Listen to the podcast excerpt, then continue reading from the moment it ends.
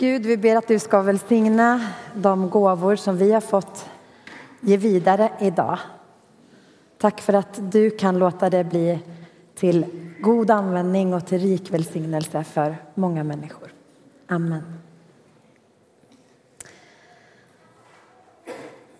Det vi har sett och hört. Berättelsen om Jesus den spreds från början vidare av människor som hade sett honom med sina egna ögon. Som hade hört honom med sina egna öron. Som hade kunnat ta på honom med sina händer. Johannes som skrev de här i första Johannes brev, han var ju en av de första lärjungarna och han hade verkligen mött Jesus. Han var på riktigt. Jesus var på riktigt. Och inte bara innan han dog, utan också efter, när han hade blivit levande igen, så var han på riktigt. Det var inte bara en människa som såg Jesus levande igen, utan det var flera hundra människor som såg att han hade blivit levande. Och det var inte bara så att de var en och en när de såg honom, som man kanske kunde tänka att de inbillade sig, utan de var tillsammans. Vid ett tillfälle då var det två lärjungar som gick på vägen till Emmaus när de plötsligt fick sällskap av Jesus och de såg honom och de hörde honom. Vid ett annat tillfälle då var det alla lärjungarna tillsammans som blev bjudna på frukost på stranden vid Genesarets sjö av Jesus. Och så står det att vid ett tillfälle så var det så många som 500 personer som såg honom samtidigt. Kanske ungefär lika många som vi är här nu som såg honom på samma gång, att han var levande igen. Trots att det är länge sedan det här hände och trots att Bibeln är en gammal bok så är historikerna idag eniga om att Jesus var en historisk person. Att Jesus har levt på den här jorden.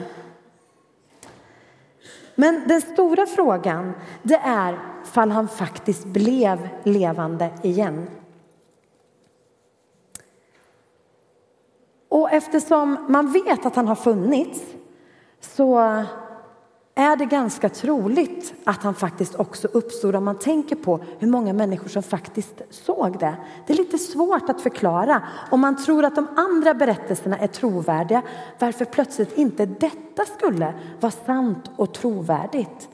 Det är faktiskt väldigt rimligt att tro att han också blev levande igen. En del människor säger att det inte spelar så stor roll. Att det inte är viktigt om Jesus har ens levt någon gång eller om han blev levande igen. Utan att det viktiga det är de tankar han hade. De läror som han stod för, hans undervisning och att man kan ta fasta på det. Men det stämmer inte alls. För den kristna tron är det väldigt, väldigt viktigt att Jesus var en person och att han uppstod igen. För vi är inte inbjudna till att följa en lära utan vi är inbjudna till att ha en relation med Jesus. Och då är det ju helt avgörande att han har funnits och att han fortfarande finns. Om vi ska kunna ha en relation med honom. Om vi faktiskt ska kunna lära känna honom. Det vi har sett och hört förkunnar vi för er för att också ni ska vara med i vår gemenskap som är en gemenskap med Fadern och hans son Jesus Kristus. Vi är inbjudna till att lära känna Jesus, att vara med i gemenskapen med Jesus. Vem är Jesus för dig? När jag var på en anställningsintervju då fick jag den här frågan. Vem är Jesus för dig? Ja, det är sådana frågor man får om man söker jobb i en kyrka. Då kan man få den frågan. Och vem är Jesus för mig? Nu ska ni få en liten bit av min berättelse. Jag ska berätta lite för er om min relation med Jesus. När jag fick den här frågan så var det första jag kom att tänka på att Jesus han är en vän för mig. Han är en vän som jag samtalar med varje dag. Som jag på morgonen samtalar med om mina barn, om min man, om min familj. Som jag under dagen ber för människor jag möter i min vardag som jag vet har det svårt på olika sätt.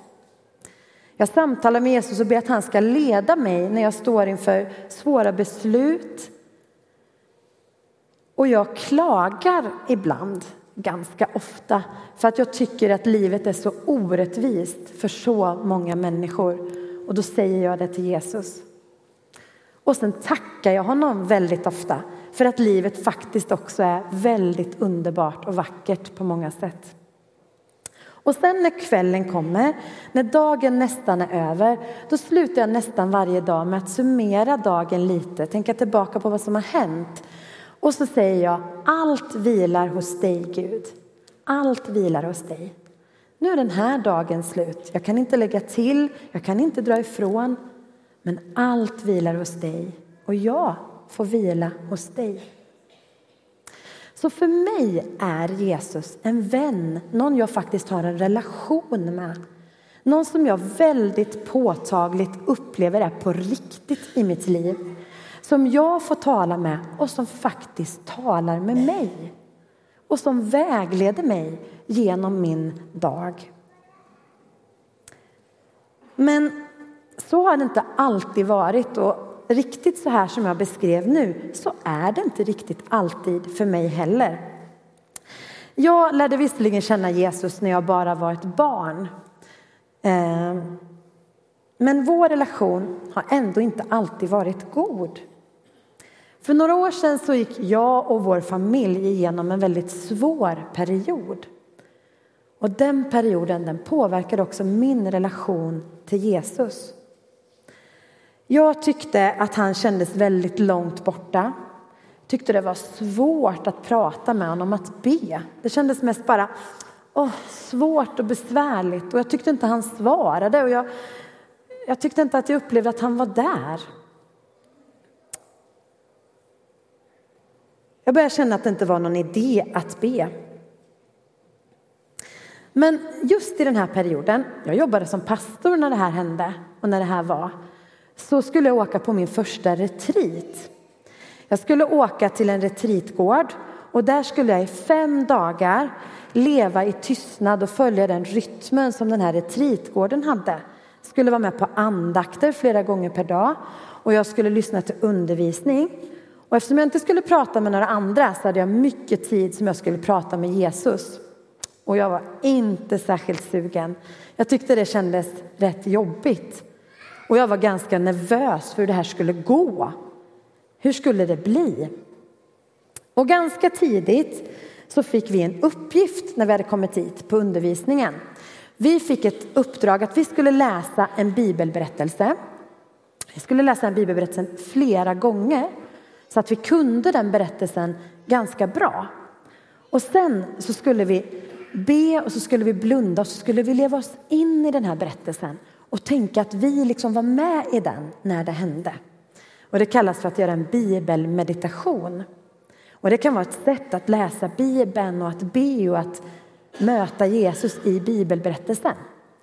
Och jag skulle läsa berättelsen som handlar om hur några vänner tar med en förlamad kompis till Jesus. Och Jesus han både förlåter den här mannens synder och han helar honom så han blir frisk igen. Och jag tycker om att liksom tänka mig saker sådär. Så jag läste berättelsen och sen så tänkte jag mig, blundade och föreställde mig hur det var. Jag såg framför mig hur det var dammigt där vi gick och bar den här vännen på den här bädden. Och det var lite hönor som kacklade och sprang iväg och sen gick vi runt hörnet och sen såg vi huset där Jesus var. Och det var alldeles fullt med folk. Det var så trångt så att de kunde inte komma in och där kom vi släpande på en som inte ens kunde gå. Och det var absolut ingen som ville flytta på sig så vi kunde komma in utan de bara, nej bort sådär. Och vi stod där och bara, vad ska vi göra nu? Och då var det någon som kom på, precis som det är i bibelberättelsen, men vi kan ju ta och bära upp honom på taket och så kan vi göra ett hål och så kan vi fira ner honom så att han kommer rakt framför Jesus. Och jag kände bara, vilken dålig idé. Det kommer aldrig gå. Jag sa, när jag tänkte mig det här, så sa jag till de andra, det kommer aldrig gå. Han kommer ramla med huvudet före om vi ska gå upp för den där branta trappan. Och hur ska vi veta vem vi ska göra hålet? Hur ska vi veta vad Jesus är? Det kommer aldrig gå. Jag klagade medan de släpade upp, jag tänkte mig alltihop det här, men de släpade upp honom på taket och de gjorde det här hålet. Och sen när den här bibelmeditationen var slut så tänkte jag, men vad hände där? Vilken, va, varför kände jag så? Vad konstigt. Varför tog jag den rollen? Jag hade ju faktiskt facit. Jag visste ju att han skulle bli både helad och få synderna förlåtna. Men där och då i den stunden, när jag tänkte på den här berättelsen, då insåg jag, alltså, jag håller på att bli cynisk. Jag håller på att bli bitter och arg. Och min relation till Jesus, den är inte så bra. Jag har svårt att faktiskt tro på att han kan förändra livet. Och jag blev ganska skakad av det här. Så jag bokade tid med en ledare på retriten. Och jag hoppades att jag skulle få något bra råd nu hur jag skulle liksom ta tag i det här. Och han den här ledaren, han sa till mig när jag berättade det här. Har du pratat med Jesus om det? Vad sa han? Eh, blev lite ställd av frågan. För jag hade inte gjort det så där direkt där och då. Men jag tog det på allvar så jag gick tillbaka till mitt rum. Och sen så satte jag mig där och så sa jag välkommen Jesus. Och så tänkte jag mig verkligen hur han kom in i rummet. Och sen sa jag till honom, var har du varit för någonstans? Varför lämnar du mig ensam? Hur kan du överge mig mitt när jag har det som svåraste i livet? Var är du för någonstans? Hur kan du göra så här? Det går inte att lita på dig. Du kan inte förändra livet för någon. Hur ska jag kunna följa dig? Hur ska jag kunna jobba som pastor när jag inte kan lita på att du är där? Och vet ni, då svarade han mig. Jag hörde det inte med mina fysiska öron, men det var så påtagligt hur han svarade mig. Och jag upplevde att han påminde mig om en sång. Jag hade hört den en gång förut. Jag hade hört den några månader tidigare. Någon sjöng den på tv. Och plötsligt kom jag att tänka på den så här jättetydligt. Så jag fick plocka fram min mobil och så letade jag fram den på Spotify. Och så upplevde jag hur Jesus sa, den här texten, den är från mig till dig just nu. Och så här var den texten. Var inte rädd.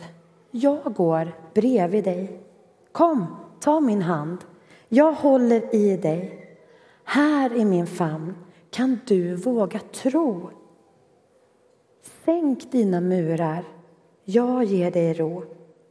För att jag älskar dig så som du är och jag vill ge dig allting jag har.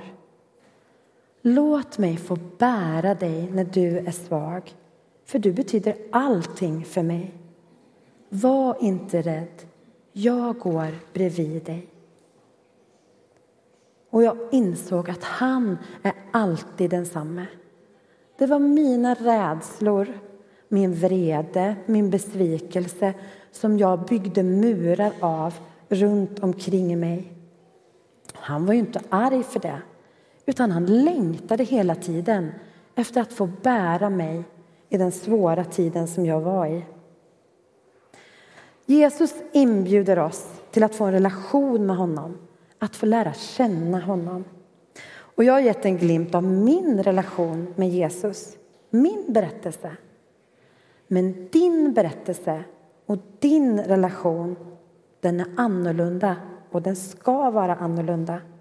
Den är unik eftersom du är unik.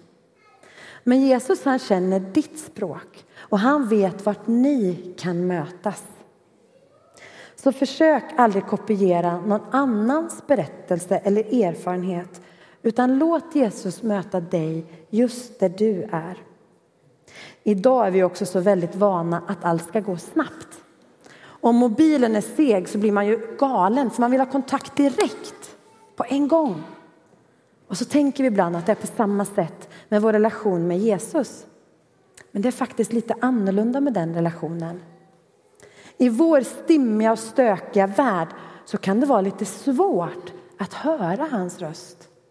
Vi behöver stilla ner oss, lägga undan mobilen och skapa ett rum av frid och fred för att vi ska höra hans röst tala i vårt inre. Och han kommer göra det. Han kommer möta dig där du är. Och då kommer din berättelse få bli en del av den stora berättelsen som visar hur Gud räddar hela den här världen. Amen.